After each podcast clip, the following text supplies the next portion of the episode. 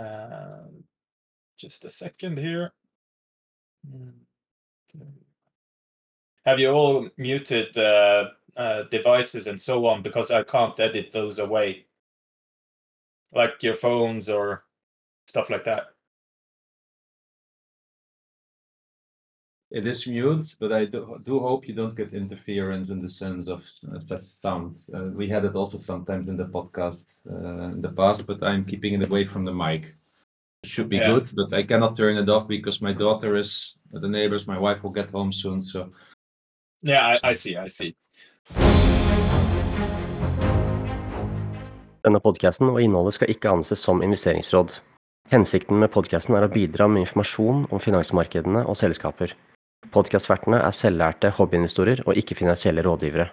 Informasjonen som gis i podcasten utgjør kun våre personlige meninger. Hvis du legger vekt på noe du har hørt her, gjør du det på egen risiko. Verdipapirer som diskuteres i podcasten skal ikke forstås som en anbefaling til å kjøpe, holde eller selge nevnte verdipapir. Podcastvertene kan være direkte eller indirekte eksponert mot verdipapiret som diskuteres.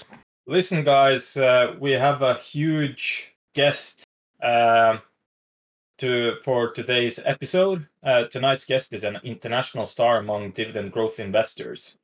Uh, he's been mentioned by uh, Keegan uh, as one of his main inspirations for the dividend growth investing strategy. Our guest is from the Netherlands and he lives in Poland. He's known for uh, creating the Noble 30 in Europe, uh, which is a collection of European dividend aristocrats. He's also the host of the podcast Dividend Talk. Uh, we are pleased to welcome European DGI. Welcome. Thank you, thank you, Farouk. I mean, I'm getting a bit shy from all all of this. Uh, I'll never get used to that, I guess. But uh, yeah, thanks so much. Really happy to be here. I'm really looking forward for today to uh, to have a nice discussion about dividend growth investing and uh, yeah, to share a few words about myself, I guess. Yeah, and uh, look, uh, we uh, we are a, a, small group of uh, people which are um, uh, quite focused on dividend growth investing. And um, I remember four years ago, uh, this guest we had uh, uh, called Keegan, he sent me a link to your blog, I think, and uh, that's where I saw your Noble 30, where you can see the companies like Mhm. Nestle, L'Oreal, and so on. Uh, can you tell us a little why you started this blog and what got you interested in dividend uh, growth investing? Oh, do you have an hour? But Yeah, we do. okay, okay, good. Let me get started then. So, because there are two different questions, uh, maybe I'll start first with the um, why I got interested in dividend growth investing. Yeah, and and then later I will talk about the blog because it's it can be nice uh, shared in a sequence. Look, um, I never had the idea of being an investor or something like that uh, back uh, when I started working early 2000s you know, I, I sometimes put, uh, I saw my colleagues investing and they were the whole day watching at the screen while working. And, you know, I, I- got affected by that. I put 200 euro in the, in the stock market and I got nervous when it went like two, 3% down. Yeah. So in the end, after two years, I made nothing. My 200 euro became 190 euro or something like that. I saw it as a loss and I felt like, ah, I shouldn't be in the, in the stock market. It's, uh, it's way too risky. I'll continue saving. Now, fast forward, uh, let's say uh, 10 years later, at a certain moment you start to earn a little bit more, and at a certain moment you get some money left at the end of the month. Then you start wondering, like, hey, what to do with this? And um, at that moment in time, I read a, a really small book, which was about in, in Dutch, um, and it was about how a person uh, paid down his mortgage. And actually, uh, he wrote about this, how he was doing this, and then also um, how it gave him options effectively like working less or something like and that inspired me so much because my mortgage rate at the time was almost 5% and he learned me actually an, uh, the concept of compounding but in an inverse way so he said like okay if your mortgage is like 500 uh, euros a month you start paying uh, let's say 1000 euro a month if you can afford it then next month you may pay 495 euro and uh, and then let's say after 490 euro So I started doing that actually, um, uh, let's say for a year. And then after a year, I just started to Google, like, because everything was on autopilot. I felt like, ah, is there anything else here what I can do? I got a salary raise again. Everything was automated. And I just Googled, and then I came onto the blog of uh, Dividend Mantra by Jason Fieber.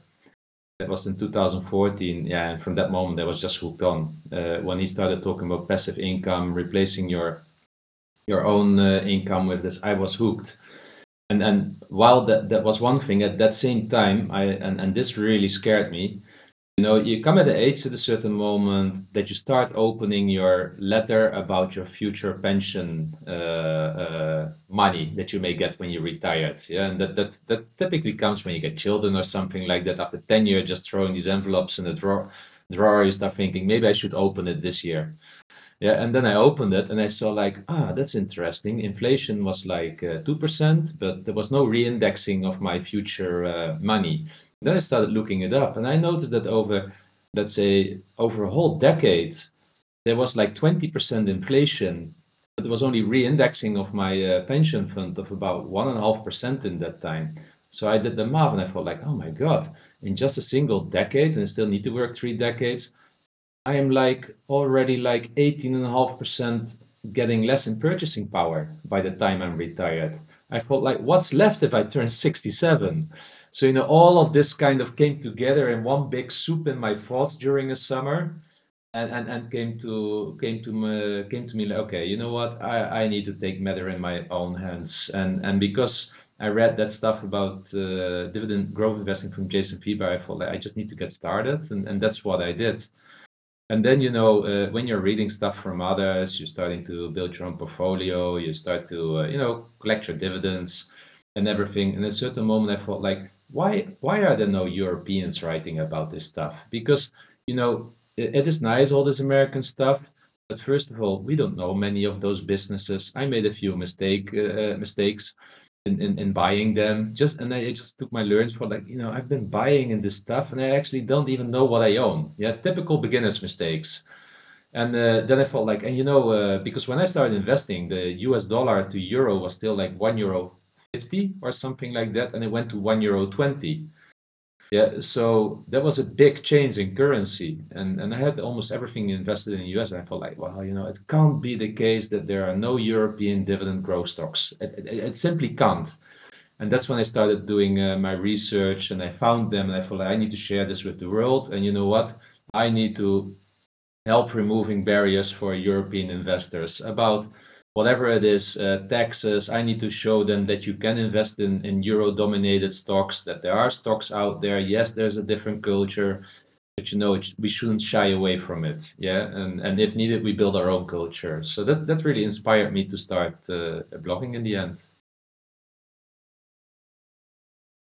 Yeah, that's amazing. That's a really cool story. And, and I, I resonate really well with, with you saying that, uh, you had this uh, realization that uh, the pension you're getting when you retire probably won't be sufficient because we uh, we're, we're, young now, but uh, but uh, we we're experiencing kind of a pension crisis in Norway right now. That uh, our work minister has said that we may need to raise the um, uh, raise the bar for how long we need to work from 67 to 70 years. And that seems just weird when we have this really big pension fund. Like norway's have a really uh, big sovereign fund and and that doesn't make any sense for us. So inflation is eating up uh, a lot of uh, our future wealth. So yeah we need to take uh, but you know people are getting older. You know we're not dying every, uh, all of us anymore at 75 or 80 people are just getting older so we need more money. Secondly costs in society are rising and nobody wants to really pay the bill for uh, for this uh, or a politician doesn't want to pay the bill for this. So they rather like uh, add some taxes to us. It's easier to take it from the people rather than making tough decisions to to make budget cuts because those are unpopular typically so you know the the system is a bit against us as individuals as, as the people right? And and while it is it should exist for the people. And i think in europe we're still really in a good situation. I mean i'm so happy i don't live in america with the healthcare system and, and everything there. I do really respect that we have a social i see it safety net. Yeah, but but I do believe that uh, tougher decisions need to be made uh, so that it's sustainable for everyone, for every every generation. And I see big big gaps there, and I worry even more about. You know, I'm now early 40s, but think about the early 20 years. Um, you know, for me it was already difficult to to to get a house in the beginning, but but for some for some cities it became nearly impossible. Then I I'm still I thought I was the unfortunate generation, but the ones 20 years now, they are the unfortunate generation. So it means like in in this whole generation we didn't move the needle at all. We only made it worse, and and that's not good. So you know, and I'm not going to. Um, you know, uh, put my faith in politicians and in the rest of society. There's one thing that I have control over, and that is what I do with my own money. So also, well, for instance, my employer puts 10% pension contribution every month into the social fund here for my future pension, I have discounted it to zero. I prefer this 10% to get to me, but then you get this thought like, okay, well, what if this happens to everyone? They will just probably squander the money, some of them, and then we have bigger issues in society. So I just see it as a it's kind of a wealth tax, and I don't expect anything. That's uh, interesting because I think uh, like that as well. Uh, in Norway, I I work work for the government as a dentist, and they put away two percent of uh, of uh, your salary to to the pension fund, uh, and I also look at it as money gone. To be fair, Yeah. uh, but uh, to to get back to you uh, uh, uh, and your blog, you have a a, a barometer, uh, like dividend uh, uh, divided by expense coverage ratio. You've uh, uh, uh, achieved fifty six percent, if I'm uh, recalling it uh, correct. Yeah. Uh, Yeah, I need to update it a bit because it's uh, a little bit more now, uh, but I haven't published my annual report yet uh, from last year. And then when I once I've done, uh, but it will go more towards the 60%.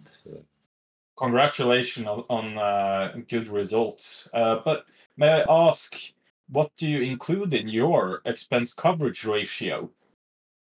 Um, my annual costs, so just the entire sum of um, annual costs. Uh, what I don't include are one-offs or something like that. Um, for instance, what in the case, I don't know, you need you have a very large bill because I will have that in the emergency fund. Yes, so I'll make sure that before I retire, I'll have an emergency fund that will stay there. Um, I will have a I have a little percentage of the monthly income that is reserved for the emergency fund. But generally everything, so I know what my expenditures are, um, which which includes everything like uh, typically the Maslow stuff of the Maslow pyram- pyramid. Uh, you know, food, housing, you name it. Yeah. And and how do I know that? Because I know what my savings rate is on a year. So um, let's say if your savings rate is 50%, which is my savings rate, um, and I calculate this on my gross income, which means like monthly income plus bonuses uh, from work. So, and I know that uh, I can invest of the uh, of, of from that of the net income, I can invest uh, 50% each month uh, uh, throughout the year. So the other 50% I can live on. And in the last four years, I never had to bring money forward from my savings account or something like that. So it includes everything, also holidays, vacations.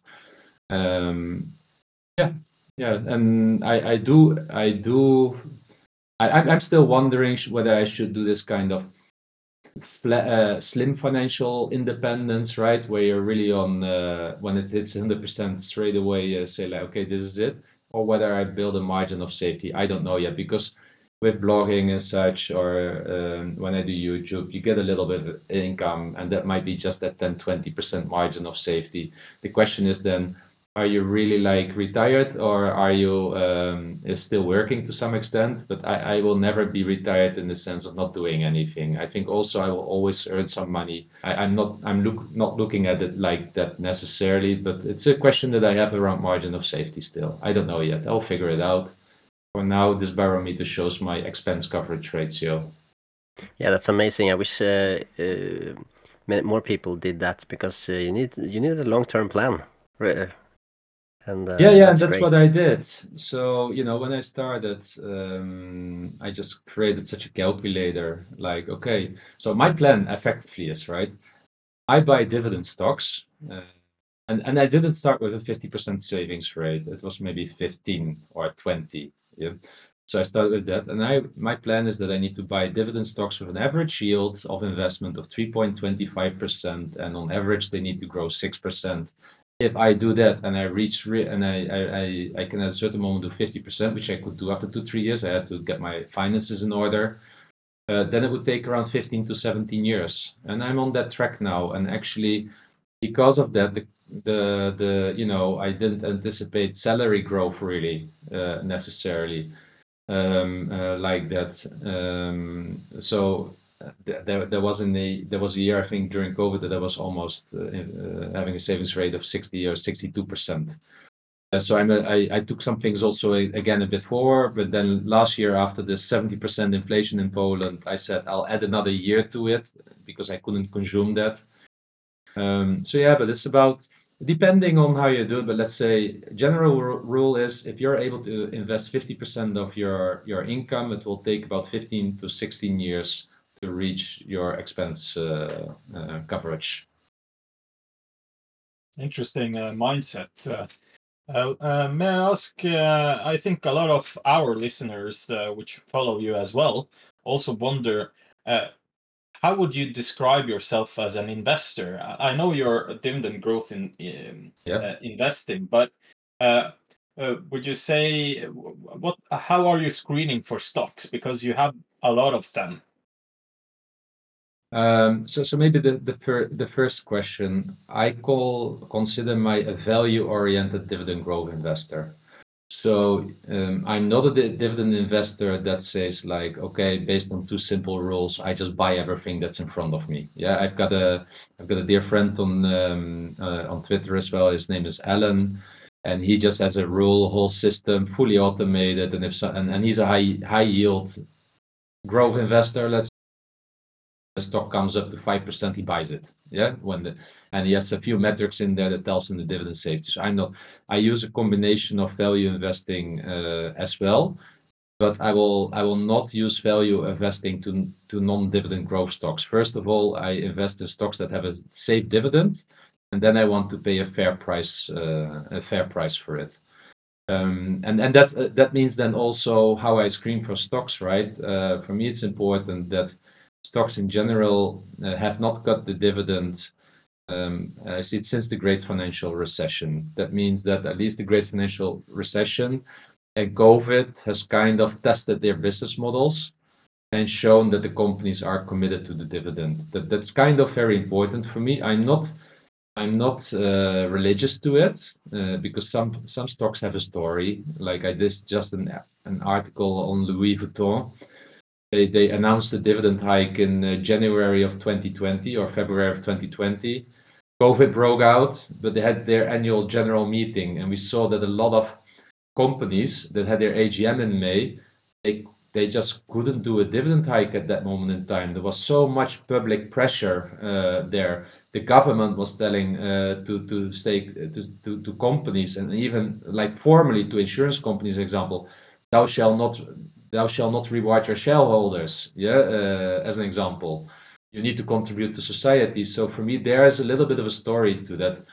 Uh, but I, I, I want those stocks. I want them very limited in my portfolio because it's really simple. If I'm living off dividends, I can I can carry one or two dividend cuts in a year, but but I can't I can't uh, consider uh, yeah carry 20% of my portfolio cutting the dividends. Yeah, so yeah, that, that also means uh, there, there you end up with a very small stock universe, and which makes investing easier as well. You don't need to worry about all the rest.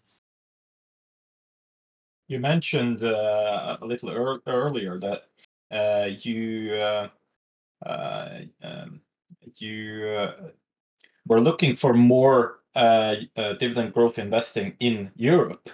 How would you say you're div- diversified? is it more US stocks because it's more uh, their dividend culture on increasing their dividends, or would you say your mm-hmm. uh, larger amount of po- portfolio is actually in dividend growth uh, stocks in Europe? So at the moment, I can tell you 52.6% is in US dollars. 34.5% is in euros, 3% in uh, Swiss francs, francs, almost 6% in British pounds, and then uh, still some uh, Swedish uh, krona and, something else.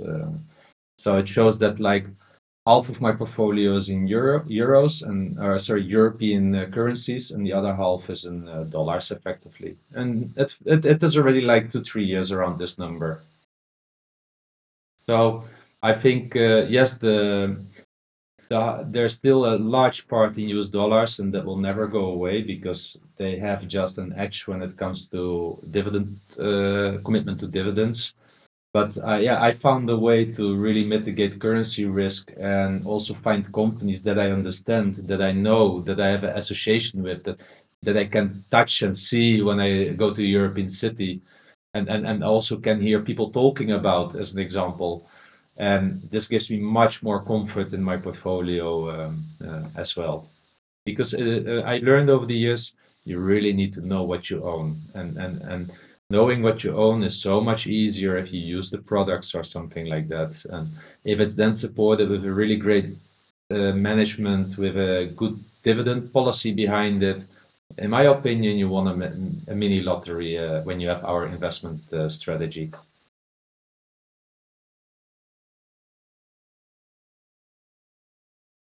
Yeah, that sounds great. So before we, uh, I'm really curious on on how you're uh, picking the stocks for the the Noble 30 list. But b before that, could you just elaborate a little bit on on uh, the currency risk uh, aspect of it?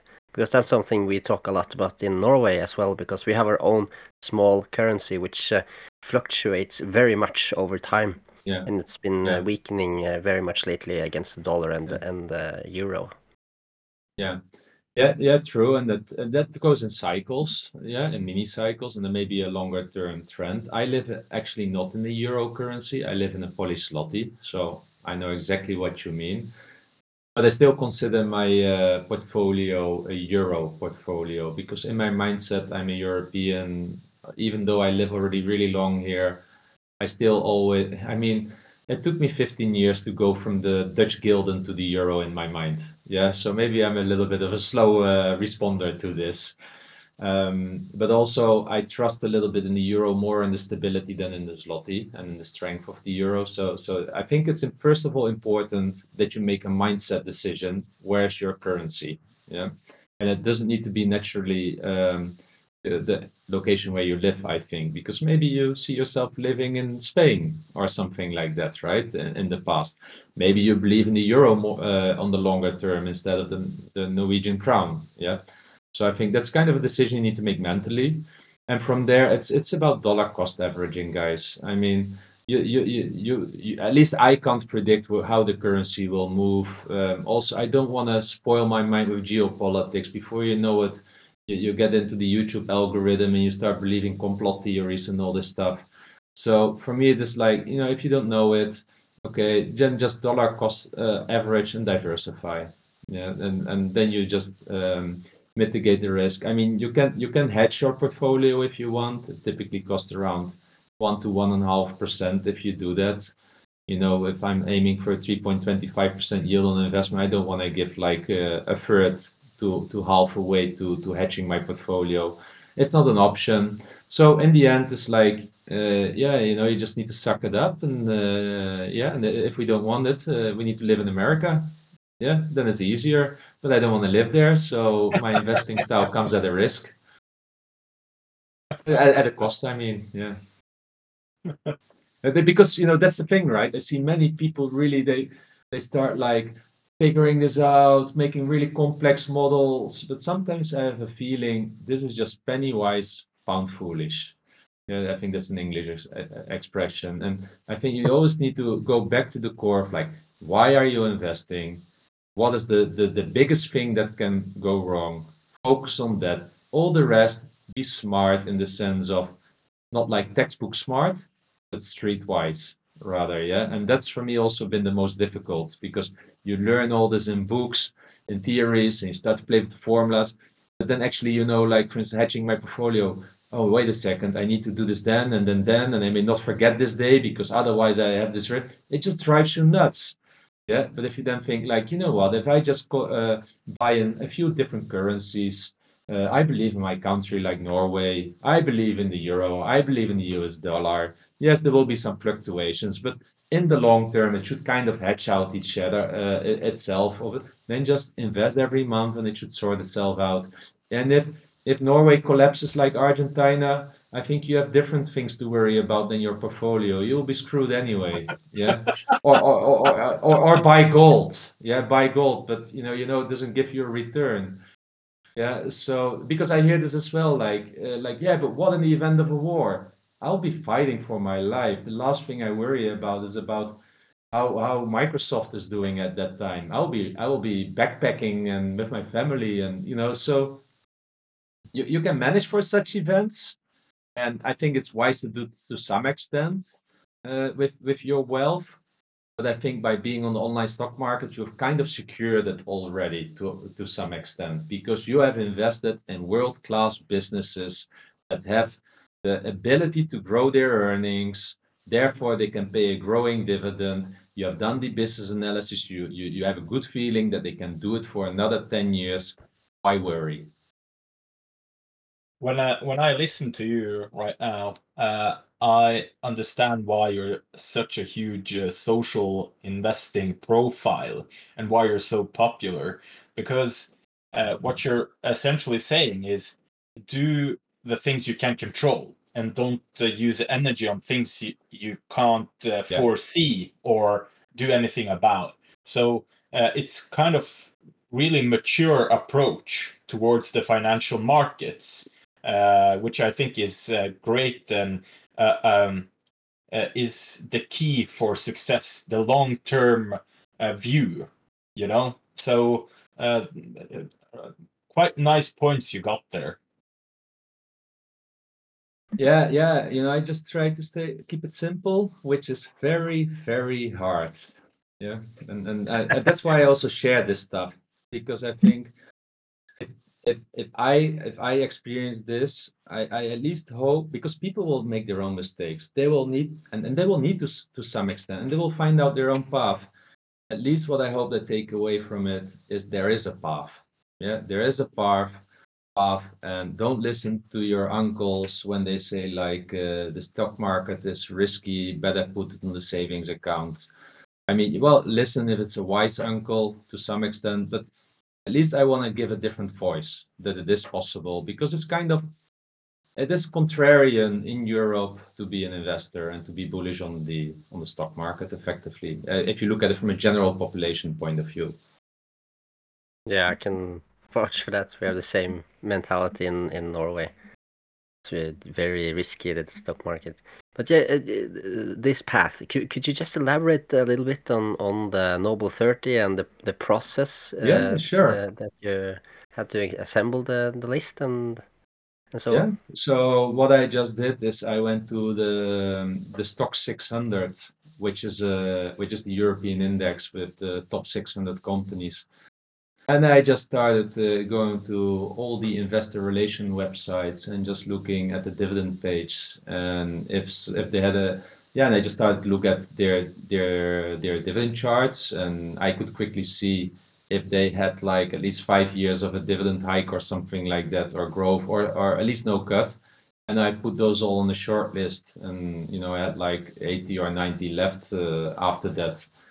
Um, and from there, I started to look like, okay, you know, I want to keep it simple with the index. Uh, I don't want to invest in micro cap or small cap. So I put there the target of 5 billion uh, uh, market cap, I believe, in there. And then you just filter down. And then I ended up with around 34 stocks or something like that at that time. Uh, no, no, uh, 50, 50, something like that. And then I started looking at the amounts of years. And I always said like, well, like I mentioned before, at least the stock shouldn't have got the dividend before the great financial recession.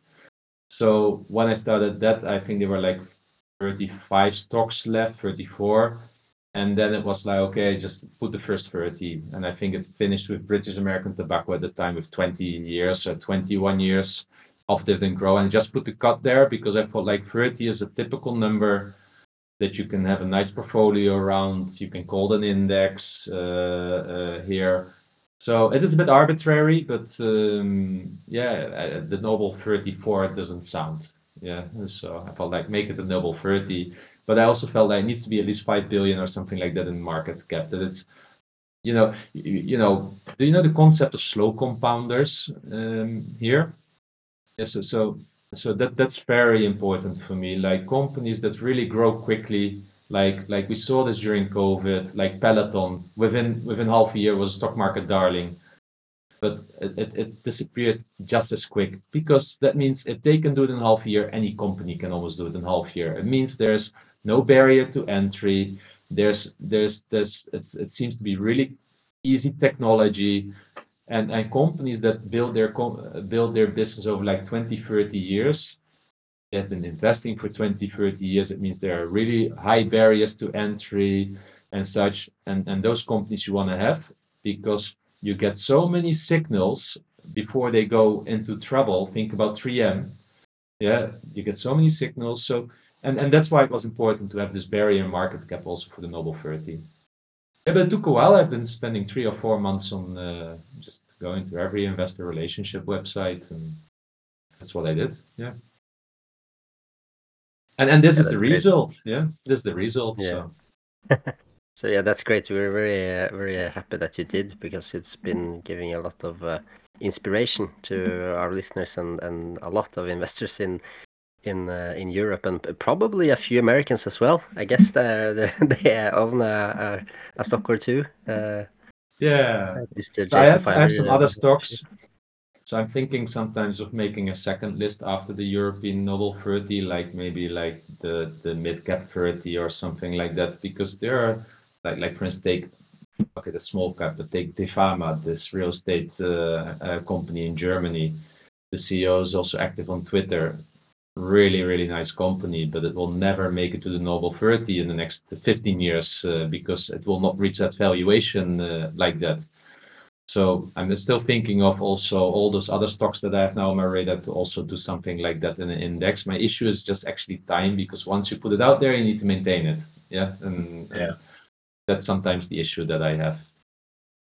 Uh, may, may I ask, uh, since you were mentioning uh, 3M, they had uh, their Q4 report yesterday, I think. Okay. and uh, what do you think of companies? They they increased their dividends last year. Me and Kenneth mm-hmm. talked about it. Uh, talked about it because one cent, right? Yeah, yeah. It's it's so stupid, you know. It's so uh, ridiculous, to be fair, because uh, it's so important to maintain their their um, track record of uh, dividend hikes. You know, so they are putting themselves in uh, uh, quite a um, two-edged sword uh, kind of position because uh, you can't uh, have it both ways if you know what I mean. How do you uh, do? You have any advice of how an investor can see um, uh, the red red triangle sign that oh this is this is not gonna end well if you know what I mean? with your experience, how can you tell that a company like 3M or other companies will uh, meet uh, difficulties in the future? Um, to a beginner investor, I can't really explain that. Uh, and why not? Uh, if you can't read the financial statements, it's it's hard. And then you take your um, advice from social media. Yeah, I I see a lot of trash on social media of people that were saying like, ah, oh, you know, dividend investors, dividend growth investors, yeah, invest in medical properties uh, trust or something like that. Uh, this MPW uh, at uh, at eighteen dollars, and uh, I don't know, maybe it's trading now for three dollars or something like that. Yeah, um, so there are a lot of yield traps there, and and, and I I can't. If, if people, I, I I honestly think that people should not be stock picking if they are not willing to put in the effort to at least learn a little bit about um, accounting, let's say, and it, it, doesn't need to be difficult, but at least re- buy a book about how to read the income statement, the cash flow statement, and the balance sheet. That's the most important because if you are able to get there, and I tell you, if you have a if you have a set of brains that uh, with an IQ uh, slightly higher than a monkey, it should be possible. Yeah, that's my assumption here. But you need to put the time in. You need to put the time in, and because if you don't want to put the time in, then just buy an ETF. You're screwed because then dividend growth investing doesn't make a lot of sense with ETFs because these ETFs that we have in Europe they, they call themselves sometimes even dividend ETFs, but they don't pay growing dividends uh, over time. That's also not how, not how the indexes are compiled. Or you invest in an ETF that has like one or one and a half percent yield. And in the long term, you won't get financially independent with that. Uh, well, in the very long time term, maybe, but not in 20 years. Yeah. Um, so I think you need to do some homework. I mean, look, uh, I, I don't want to I don't want to really do a plug, but that's why Derek and I started a premium service where we are doing dividend safety analysis to help people uh, uh, a bit here. But let's take the case of um, of 3M because this is really interesting. And the question is uh, maybe back to you. Why do you think? Because you say it's so it's kind of so stupid, right? Why do you think management then continues to do that? What is their incentive? It's to keep their stock price high and to uh, maintain in those indexes like the dividend aristocrats. Because uh, when you when you cancel or, or or your dividend or you decrease it, uh, you will get kicked out of the ETFs and the indexes that should track the dividend growth uh, uh, stockpile, if you know what I mean. Yeah. Uh, but um, and, also, their bonus is gone, right? Yeah, their bonus yeah. is gone, and bingo, yeah. So, but but uh, uh, I um, uh, I I I I um uh, I have a uh, uh, I have a thing for 3M. I am a dentist, you know. I use their bonding on my fillings and so on. So I love their products.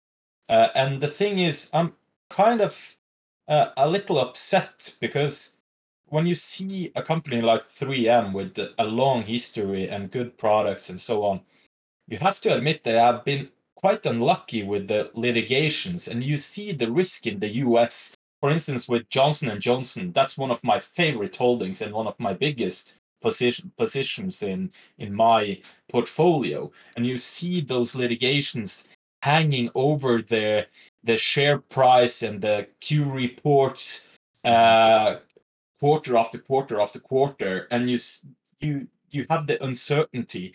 Uh, it it's kind of uh, draining your energy to be enthusiastic about those stocks as well.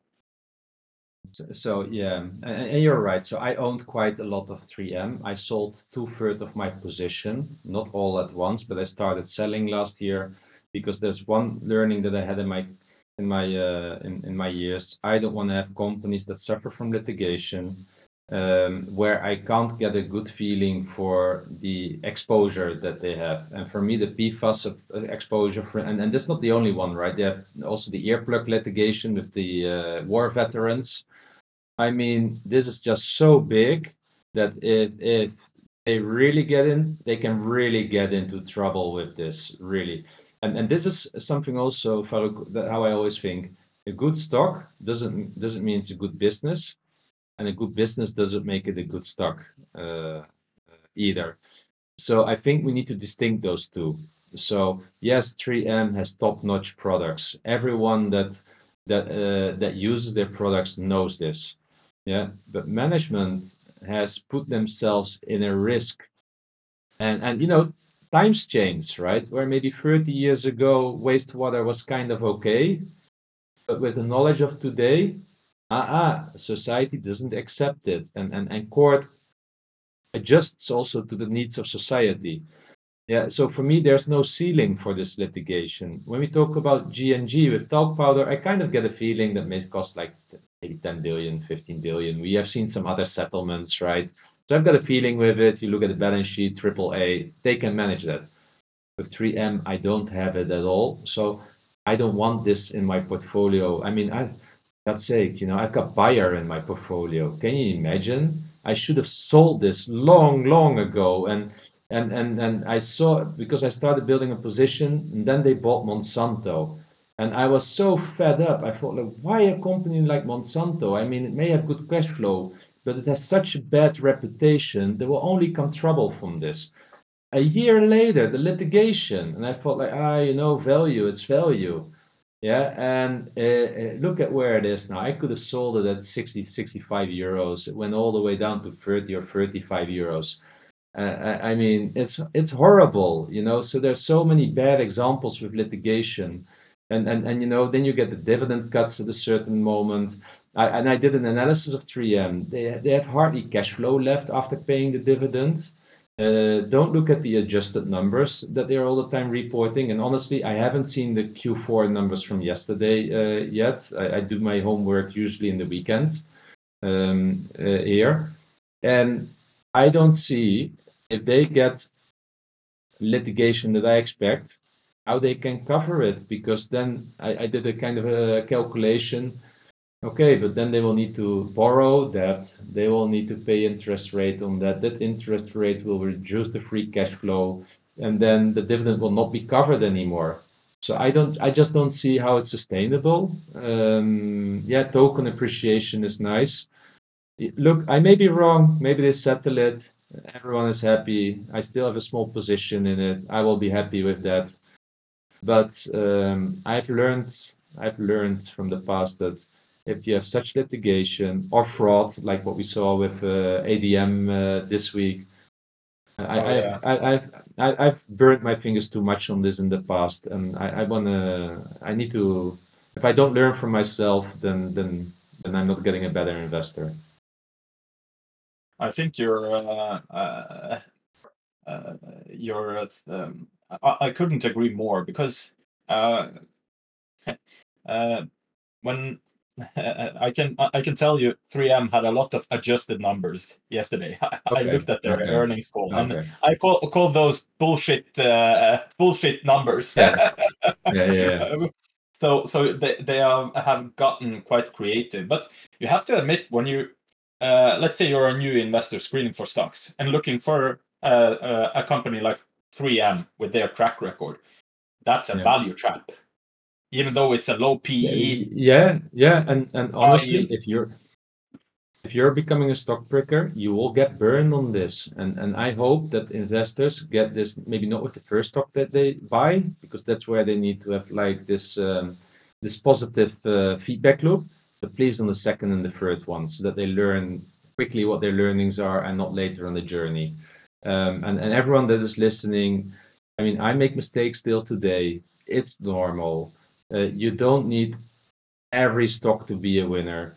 If you have 10 stocks, uh, I'll, I'll, give you an example. I bought, I bought Microsoft, right? Um, when it was around 2.75% yield, probably in 2015 or 2016, around $40. Yeah. I bought a little bit there, uh, there because I thought like, ah, you know, meets the numbers. I, I, I, see something in the CEO. I see something in cloud. I don't think, I think they have a nice, uh, vendor lock-in uh, as such at many companies. they can probably easily sell it. I wasn't bullish on it. Um, eight years later, it's my biggest position, probably at the lowest cost invested.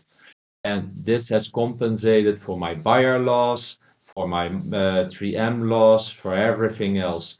And, and as a dividend investor, we don't even care about capital appreciation or depreciation. Um, but I'm also trying to say it's like having some losses in your portfolio is normal. You just need to know how to deal with it because selling a stock is one of the hardest things for me. I don't know how this for others, but for me, it's the, uh, because you fell in love with sometimes in stock. To your point, you're a dentist, you like the 3M products, yeah. So you have this association to it, and it, and and you almost need to be like a psychopath to some extent that you don't have any emotional feeling to your holdings while you still need to have this feeling that you know the products and know what you own. Yeah, and that's so hard because, in my opinion, investing is mostly psychology uh, from that point of view. And and so when I, when it's a beginner investor, you know, we have this quote on the dividend talk, and, and I really love to share that as well here. It's like you can't borrow conviction. Don't, don't take advice from the internet. Take inspiration from the inter- internet. Do your own research because then you buy with conviction. When the stock goes down, you feel actually, oh, hey, I can buy it now 10% cheaper. Yeah, and you have also a better feeling at that moment in time if it is a value trap.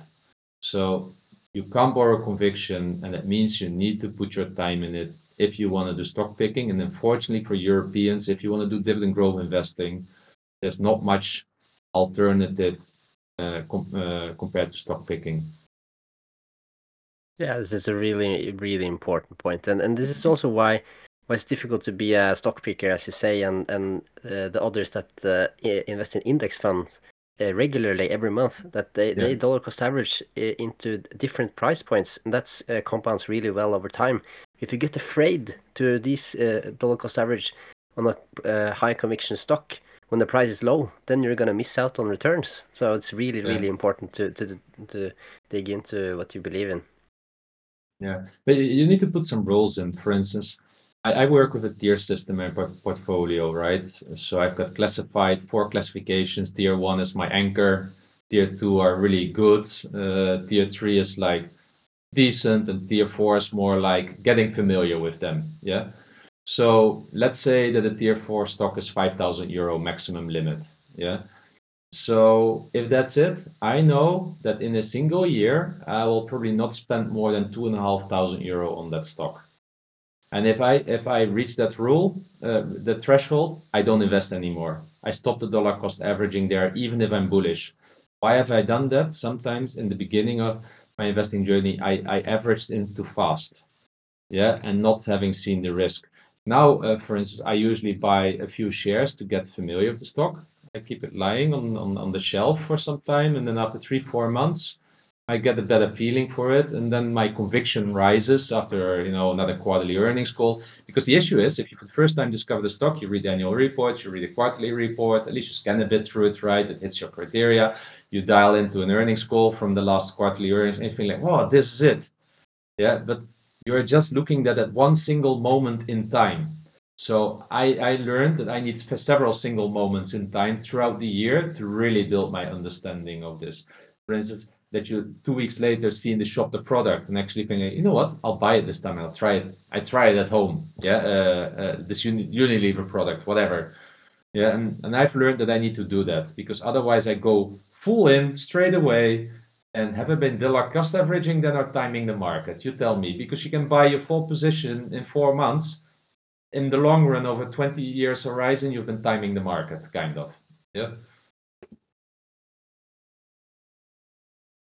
Yeah, that's really important uh, that's as well because uh, yeah, you, you, probably have the feeling that you you buy and then it drops right right after. Always, and you always, feel that always, always happens. Yeah, yeah, yeah, so yeah, yeah, true. And then I think this is normal for dividend growth investors because usually there's a downtrend or something like that when we are buying if we are value oriented. Yeah because you are looking at the stock already for a long time was always yielding two and a half percent and suddenly it climbs up to three percent. You think you buy it and the next day 3.03 percent.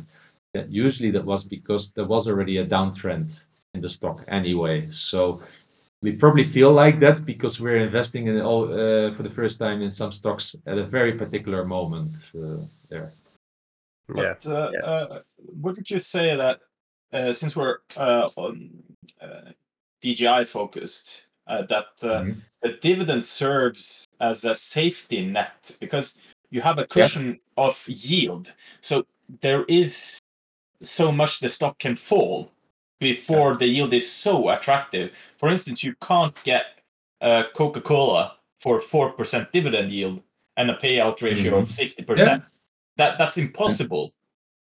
Yeah, yeah, and that's that's what is one of the benefits of dividend growth investing. So I, I usually try to ignore ignore the price charts for my own sake because then I get anchored to where the price was maybe uh, uh, earlier because it avoids you from buying as well if you feel like so imagine you do the you do the uh, analysis on stock and it's yielding 3.5 uh, percent and you think, oh, I want it. And then you open up on Yahoo Finance uh, the chart and you see like, oh, three weeks ago it was yielding 4%. Maybe I'll wait for 4%. Ah, that, that's where I often missed out on stocks on this one. Yeah, so uh, you, I prefer, I call this uh, uh, chart porn. I love to to create my own dividend growth charts of those companies um, because it shows the stability of the growth and it shows that the price is just a moment in time. It's important when you buy, but what I traded for yesterday, it doesn't matter. You, you can't turn back time. And if you use that as an indication for tomorrow, then you need to be a technical analyst. I'm not. It's very hard, but I try to avoid looking at price charts um, uh, when I'm making a buying decision. Actually, for that reason, as you mentioned. Uh, may I ask? Um, you you you said you like the European profile when it comes to social security when you compare it to the Mhm. US, for instance. Yeah. Uh, Yeah. And uh, uh, you live in Poland, so you may feel the tension with uh, what's happening in the East uh, without talking about the politics. But let's be honest and get the facts straight. Uh, Russia did give Germany, the largest economy in in uh, Europe, uh, cheap energy, gas and oil. Mhm. And Yeah. now with that gone, and the oil price is kind of uh, having a floor at uh, around seventy-five uh, dollars for Brent. Uh, how do you see the European economy expanding? Uh, because uh, in the US they have access to cheap uh, natural gas, cheap uh, commodities because it's priced in the dollar, you know. So Yeah. uh, I kind of buy the narrative of buying abroad and not here in the yeah uh, here in, in in Europe, if you know what I mean. Uh, uh, Yeah. Look at the chemi- uh, chemical giant uh, BASF. I sold it right Mhm. before the war started, and I'm really glad I did. Uh, but uh, what is the catalyst here? What is going to drive the growth? Because we also have the green. I, I don't know because I don't do macroeconomics. Um, for me, I it's a market of stocks, not, not a stock market. I don't have the mental bandwidth to do macroeconomics. I, I, I really don't know. I think, generally speaking, um, the US will be better off 20 years from now than where it is today. I believe that Europe will also be better off, probably a little bit less better off, but I think there will be progress. Uh, generally, I think the fundamentals in society are strong enough. There continues to be investing, and based that's enough for me. That, that's really enough for me because if I start to do macro uh, macro analysis, I, I probably will get worried about the crash happening all the time because uh, some things just don't look well. Yeah, I've been under investing in my early years in dividend growth investing because in 2014, 15 with Greek debt, I felt like the Europe, uh, the euro will crash and everything. I'm still waiting today. Yeah, if I would go on a hunger strike uh, at that time, I would have been in big trouble now. So you know i can't do this. And when you talk about uh, energy pricing well you know we have cheap brown coal in poland. I mean i'm sure that uh, poland would love to export more. Yeah but then you come into other uh, elements of politics as an example yeah? So and, and that's why these stories are too complicated for me uh, farouk. So i kind of tried to ignore it. Maybe maybe it is not smart but it it comes down to again the stuff I can control. And hey, if you wanna, if if if you want to um, hedge yourself against it, buy oil and gas stocks. Shell's my second largest position. Uh, when the when the gas prices went high, dividends started to increase significantly because Shell was able to buy back shares. So you know you can also look at it from the other way. Just make sure that uh, so ideally, yeah, ideally my portfolio reflects in the same percentage as my consumption behavior. Ideally, because then I know if things change there, that prices go up, I know that the companies will benefit from it, and I will therefore also have my income growing as, as a result uh, here. Ideally, it's really hard, but that's kind of what my uh, my thinking about it is. So, and and that's why I try to avoid macro uh, macro thinking in this uh, space. You know, it's maybe not what you wanted to hear, but that's how I look at this kind of stuff. No, uh, listen, listen, European uh, DGI. Uh, I I love your answer. I love your answer because uh, for me personally, I, I'm too obsessed with those things. It's actually background noise to be fair because it doesn't change i'm never going to sell johnson and johnson because there is a war i'm never going to sell Yeah. atd because there is a war uh, uh, it doesn't actually uh, affect my my investment philosophy so i don't know why i'm using that amount of energy uh, it's because of the. um, it is because I know why, right? Because if you go to your favorite uh, financial news website in uh, in Norway, I bet you it will be every day about this kind of stuff. Because this is what analysts do at banks and such, and rightly so. This information is to some extent important because we know over the last 15, 20 years what the Fed does with printing pretty much decides the stock market uh, what the Fed has been doing, and, and also uh, the American government, they have been kind of bailing out companies, Europe as well, right? The too big to fail or the airlines and such. So it is important to some extent, but hey, I, I don't own banks, I don't own airlines. So from that point, and, and actually for that reason, because I don't see those as sustainable uh, business models. Um, um, so there, I'm not I'm not trying to discount it to zero macroeconomics, but I know that I have limited uh, intellectual capacity to spend time on on investing. And for me, if I would need to rank it and prioritize it, macro is one of the lowest in priority that affects my stocks and, and affects the dividend growth of my stocks. And and that's I guess what you also mentioned, Farouk, that that it therefore becomes noise, right? Yeah, but uh, uh, may I uh, just ask you this more specific question, more company-specific questions? Mhm. What is your three favorite para uh, parameters when you're looking at uh, companies you want to invest in? Is it return on invested capital, PE ratios, free cash flow yields? What are what are your metrics there? Okay. The most important is uh, oh no, I can say the most important. Let's say three, yeah, because it's hard to say.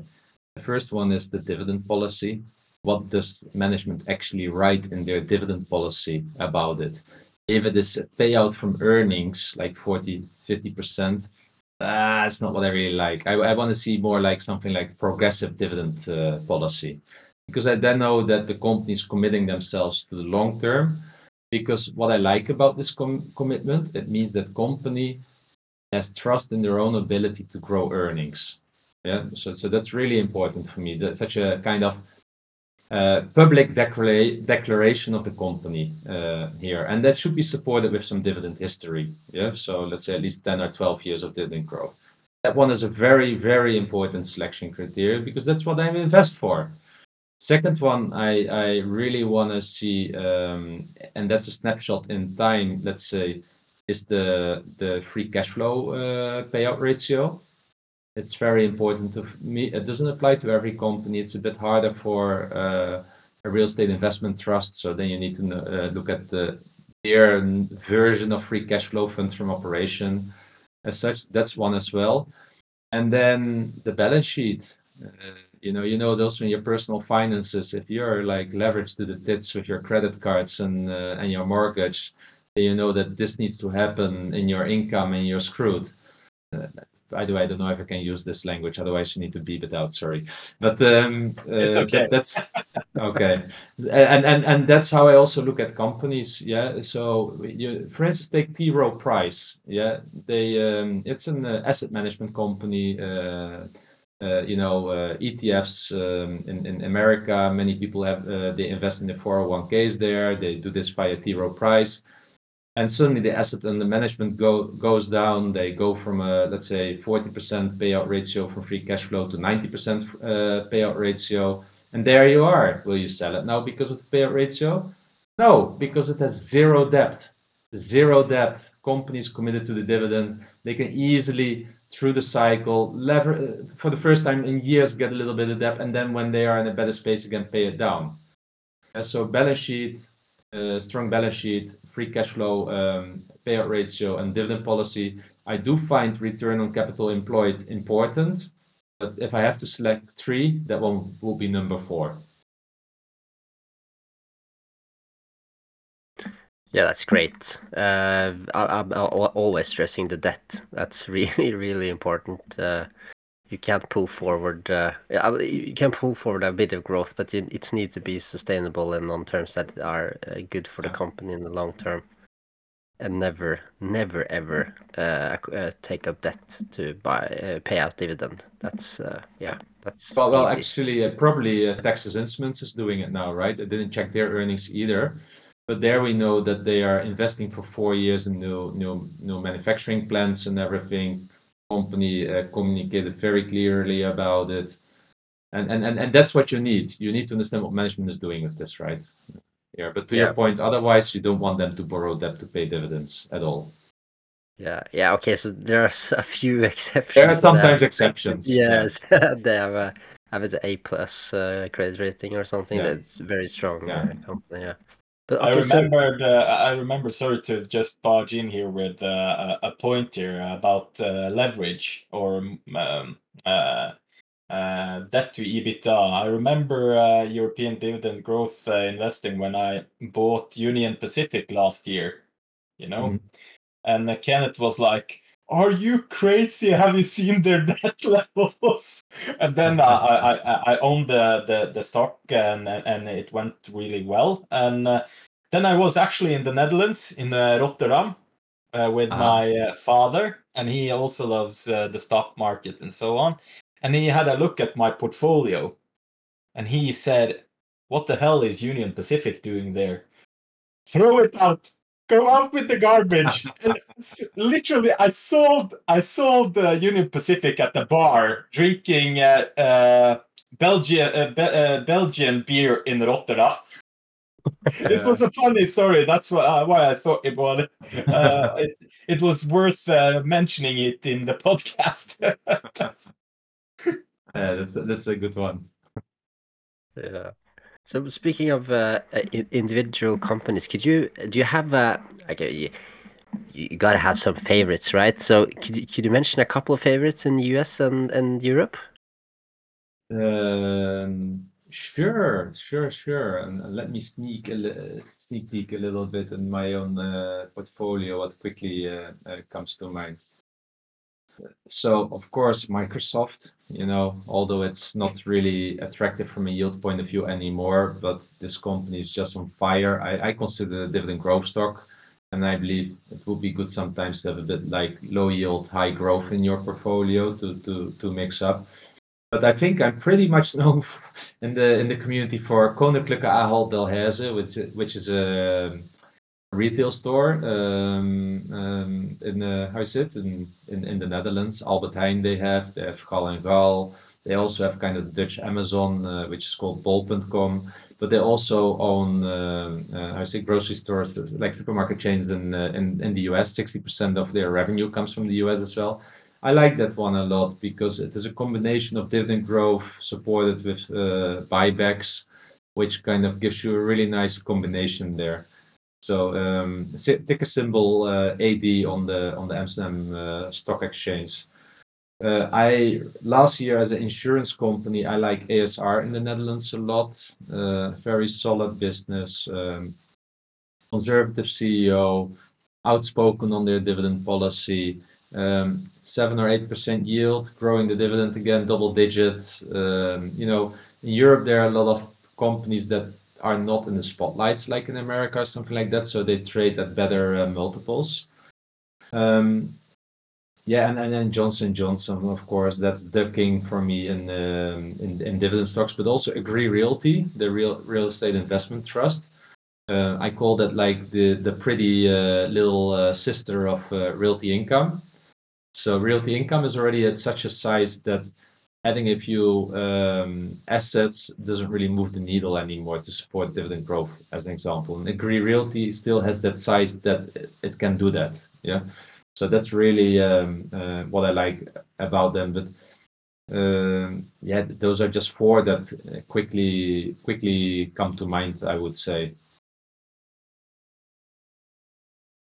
Yeah, that's great. I've I've, I've looked into that uh, the Ahold Delhaize uh, stock a, a few times, and, and I really like the diversity that they have. That they have um, uh, several businesses at several places. It looks like it's very well run as well. Yeah, yeah. You know what you need to know about supermarket chains. They have very thin margins, like three point eight four percent. So one thing needs to happen, and and this can go in trouble. But we have seen Walmart, Target in the US, you know, dividend kings. So I, I consider Ahold Delhaize with a lot of potential. We'll see, of course, how it goes in the future. But um, uh, I always say it's not buy and hold; it's buy and monitor. Yeah, and then if the fundamentals in the business change, you you can give them maybe one or two years to figure it out. But after that, if you lose your conviction, just just sell it and buy something new. Uh, you I don't need to totally wait until agree. it crashed. I totally agree because one of my favorite uh, stocks in in uh, Europe and especially in France was uh, a couple a couple of years ago Danone. Uh, do you know the F- yes, uh, dairy uh, dairy company? Yeah. And they had Yeah. had great margins. They had great acquisitions, and suddenly uh, their management uh, shifted, and it's you're only there collecting dividend, nothing nothing else. It's like uh, one of our staples here in Norway, where the management is actually screwing up the the Oh. the, the market. You know, they should Yeah. have thrived, but actually Yeah. are just an, an an anchor and not doing anything. It's so Yeah. it's it's such a shame to be to be Yeah. uh, honest. Well, to be honest as well, Danone is still my number eight position. Uh, oh, sorry, yeah, sorry, I didn't know actually that you owned Danone. yeah, yeah, I bought quite a lot over the years, and then suddenly they gave this tiny, whiny dividend cut. I hated it, but the CEO was uh, went out. The new CEO came in. The, the the and he was at the other company. He did a big transformation, very, very successful. So that's why I kept it in my portfolio. So it's also like I don't sell straight away if there's a dividend uh, cut, but it's a very strong consideration. And with Danone, I, I gave them the benefit of the doubt, but you're right, it's been dead money. Yeah.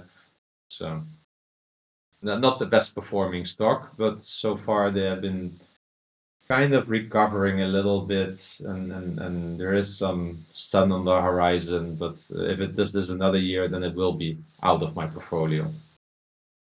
Interesting. You were just wiser and quicker than me, and I applaud you for that. Thank you. Uh, okay, so uh, there's one thing that I, I wanted. You touched a little bit uh, on it when I Ahold uh, earlier on. Like to, to create a sustainable uh, dividend, a path to a sustainable dividend, you obviously need uh, revenue growth uh, and have a, a, a um, big enough total addressable market that you can capture either market share or you can uh, do more stuff or do other stuff and earn more money over time.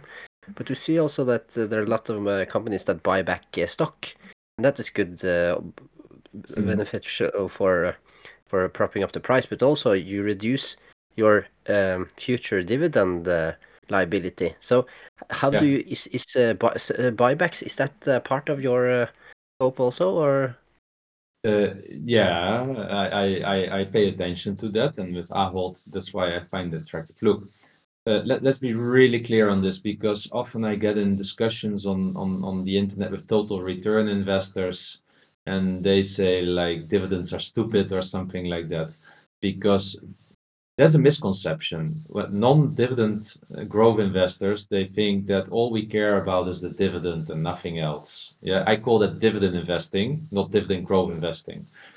So a company can do can do a few things with their free cash flow, right? They can pay dividends, they can buy back share, they can also reinvest in the diff- uh, in the business, they can uh, pay down debt. It's really simple for me. First, they need to invest for growth. Yeah, um, and this can be via R&D, but this can also be via acquisition. Uh, I'm not such a fan of acquisition because most of the acquisitions don't deliver on the promise, and a company will not want to sell if they know that uh, uh, I say they don't get a premium. Yeah, so the uh, the the the the, the cards are just uh, stacked against you. So uh, first of all, reinvest in the business for organic growth. That's the first most important. Then for me, it would be probably the dividend. Yeah, um, here. then it would be probably uh, well first paying down debt. If the debt is too high, first pay down debt, then the dividend, then buyback, and and, and that's will be my prioritization because why why dividend first over buyback? Because I prefer cash flow uh, into my own pocket, and I want that to be more sacred. And I see buyback as something additional. I wouldn't like it when the share price drops that they suddenly cancel everything and only start buying back dividends, and I've got nothing to eat in the evening because I was relying on those dividends. Yeah, and if you're a total return investment, you want it the way around. You want first buybacks and then dividends uh, here. So that's I think the most different. But both together as total return investors and dividend growth investors, we we need to see the business growing first because if the business doesn't invest for growth, we know that our dividends are not safe.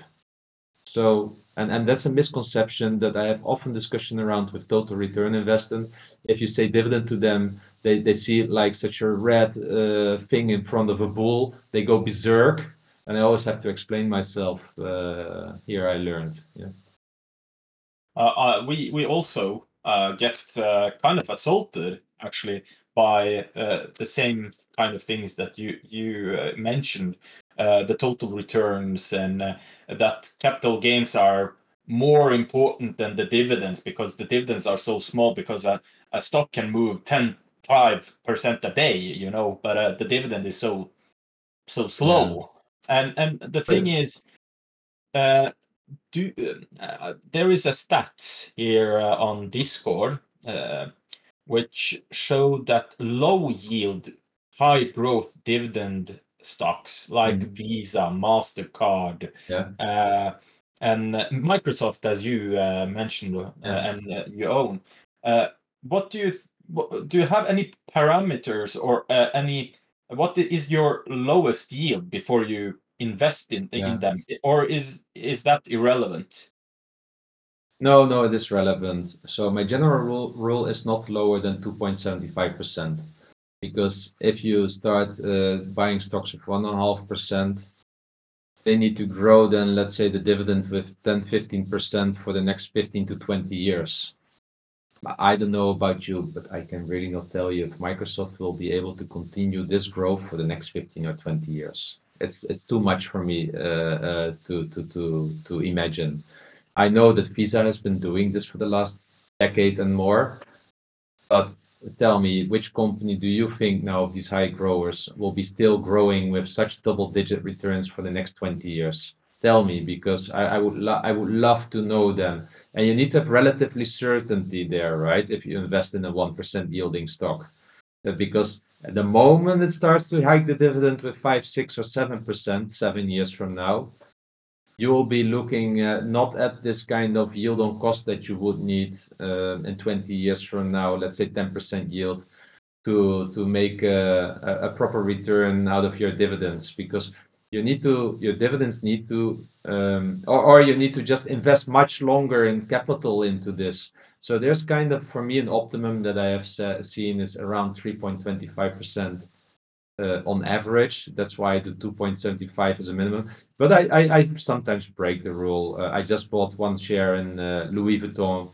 I, I did a deep dive. I really loved it, and I felt like, well, you know, just let's buy one share, 1.8% yield. Um, but this is more how you say it. I guess this is more like of a token of appreciation for the business. It's uh, and I, did the same with ASML and L'Oreal I just bought one share, and but that's where I stayed as well because it will not give me the dividend uh, uh, income that I need by the time I want to, let's say, retire from it or something like that. And honestly, I don't know if those businesses have, have this grow, even ASML, right? ASML, the manufacturer. Do you think it can grow, for instance, with 15 to 20 percent for the next 20 years? Uh, look, uh, the, the the thing is, uh, we uh, or me personally I, I, was more like you two year uh, two years ago i had to have mm-hmm. at least one and a half percent yield because i'm young i'm yeah. just 31 yeah. years old uh, but uh, last year i broke every single rule when it came to that mm-hmm. i bought atd which uh, i have a yield on cost on 0.8 percent I bought mm-hmm. Dollarama mm-hmm. with 0.3%, yeah. Murphy USA with 0.6 and every um, uh, every one of those stocks have increased their dividends, have a DAGR, a dividend average growth rate of over 25% per year. That's nice. That's nice. So you went from 0.8 to 1%. Yeah, yeah, and, Yeah, and the, yeah. the- the- yeah, yeah, and I love it. you know? The, the, the thing that's is, good. That's good. That's good. I mean, if it fits you, you should do it. Yeah. but but but the thing is, the payout ratio is like uh, between six and nine percent. So you know Yeah. that they can grow them at uh, a large pace. Uh, and Yeah. uh, regarding ASML, did you see the numbers they put out to, today?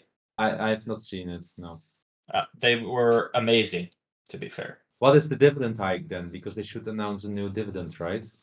No, I didn't. Uh, I didn't uh, see those stats. Okay, good, good, good, good. They should announce it, I think, uh, with the annual, but I'm not 100% sure. They went to a quarterly dividend uh, uh, there.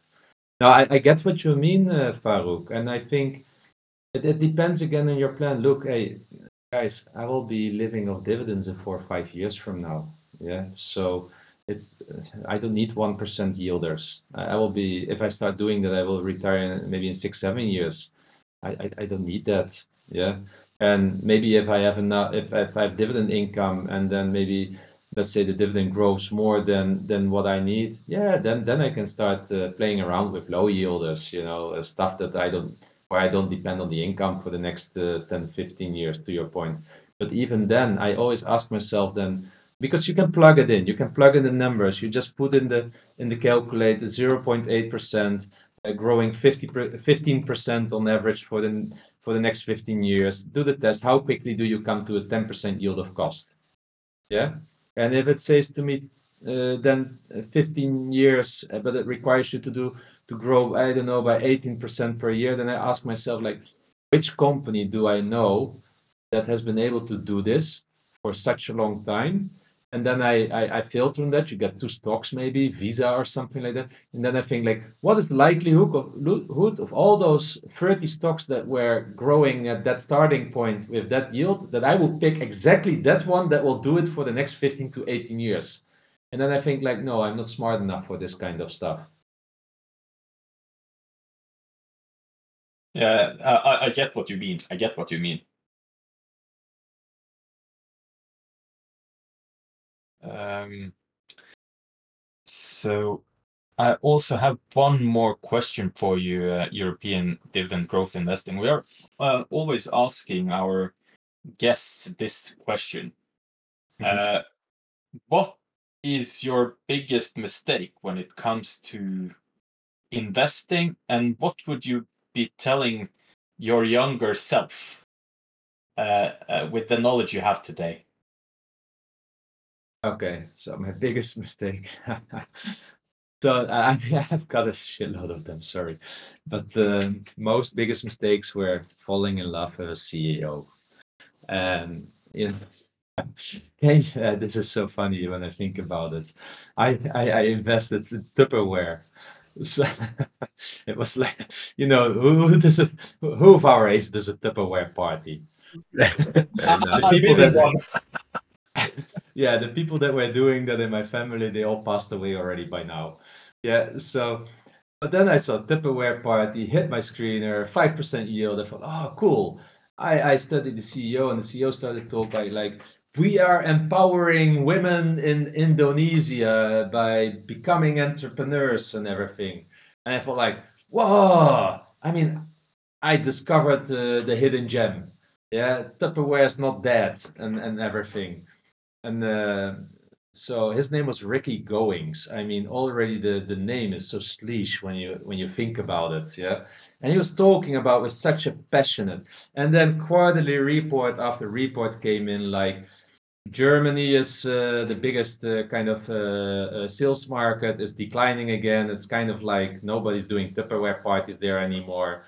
And he was not talking about Germany at all. He was only talking about the women in Indonesia and the Asia Pacific. And there was hardly growth there, you know, only stories.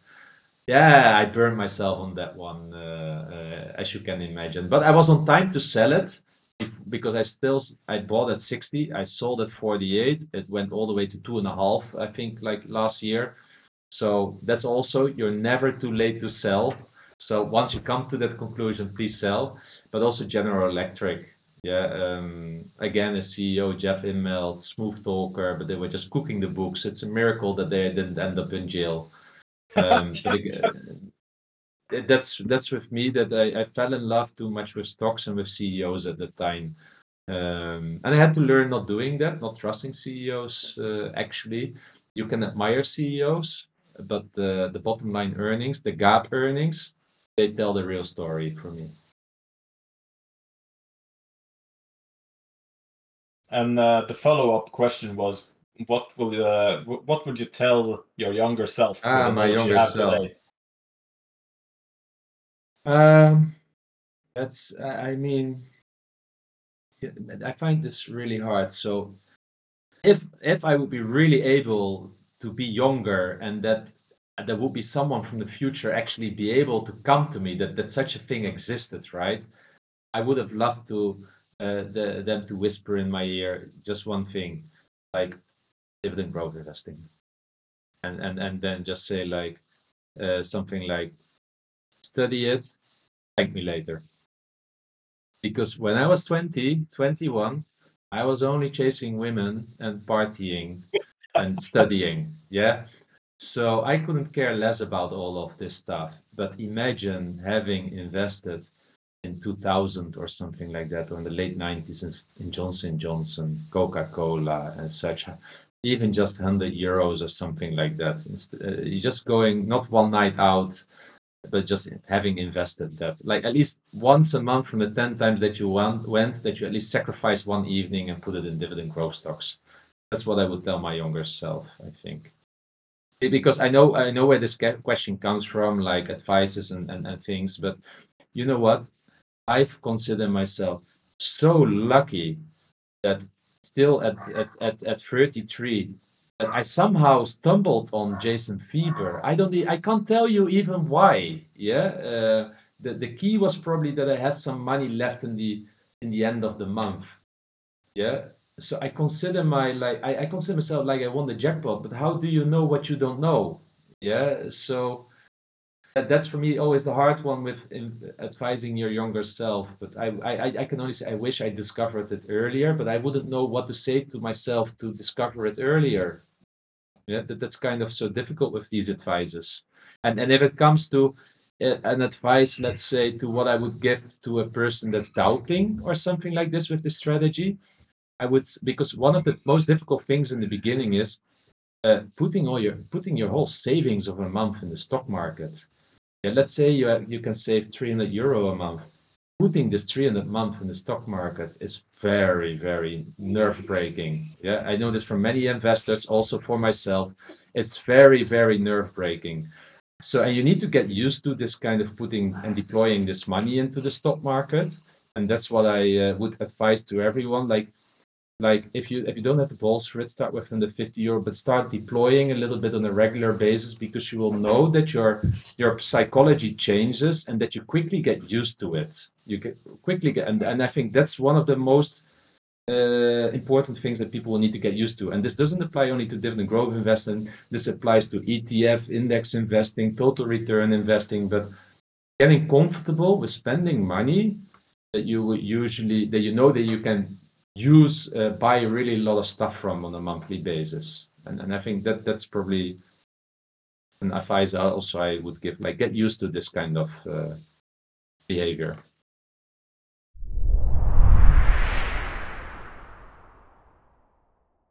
Ladies and gentlemen european dividend growth investing.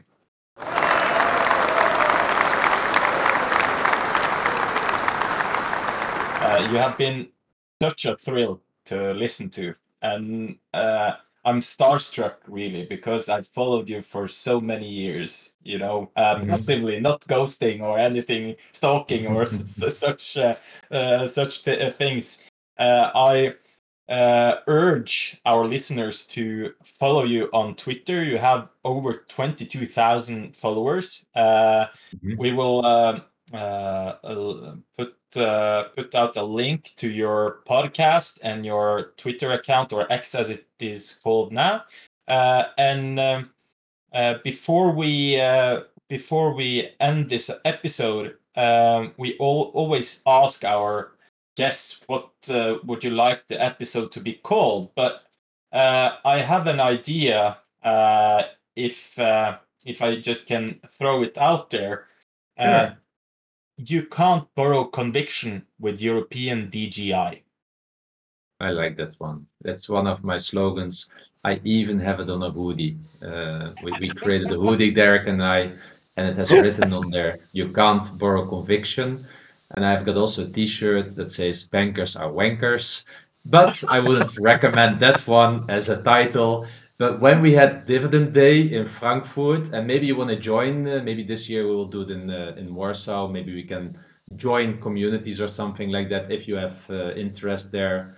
Um, um, but I was I was so fun. I was walking around the ECB with a T-shirt. Bankers are wankers. It gave me personal satisfaction to some extent, and I know it's a bit childish, but having seen what happens to the banks, how they have been bailed out, how they always get away with stuff, enrich themselves, I think I can be a little bit like a Robin Hood, uh, like that. But I love borrow conviction. Uh, they could put it on my graveyard, on my stone. Uh, I, I wouldn't mind if they do that. Great. Yeah, it's been fantastic to have you on uh, European. Uh, absolute pleasure. Thank you. I enjoyed it a lot. And thank you, by the way, as well, right? Not for inviting me, but for doing this for the community.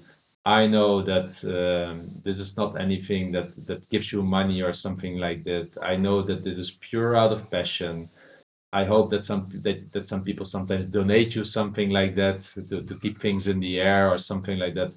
But our uh, our uh, citizens in Europe need this. The pension system is not sustainable and I always applaud and I always want to collaborate with people that have that passion to help others out. So I'm I'm really happy that I could come here and I really hope that it helps you and that it helps you listeners and and that you really get the place that you deserve as a podcast. So please keep on keep on going. Thank you so much, uh, uh, European DGI. Thank you so much.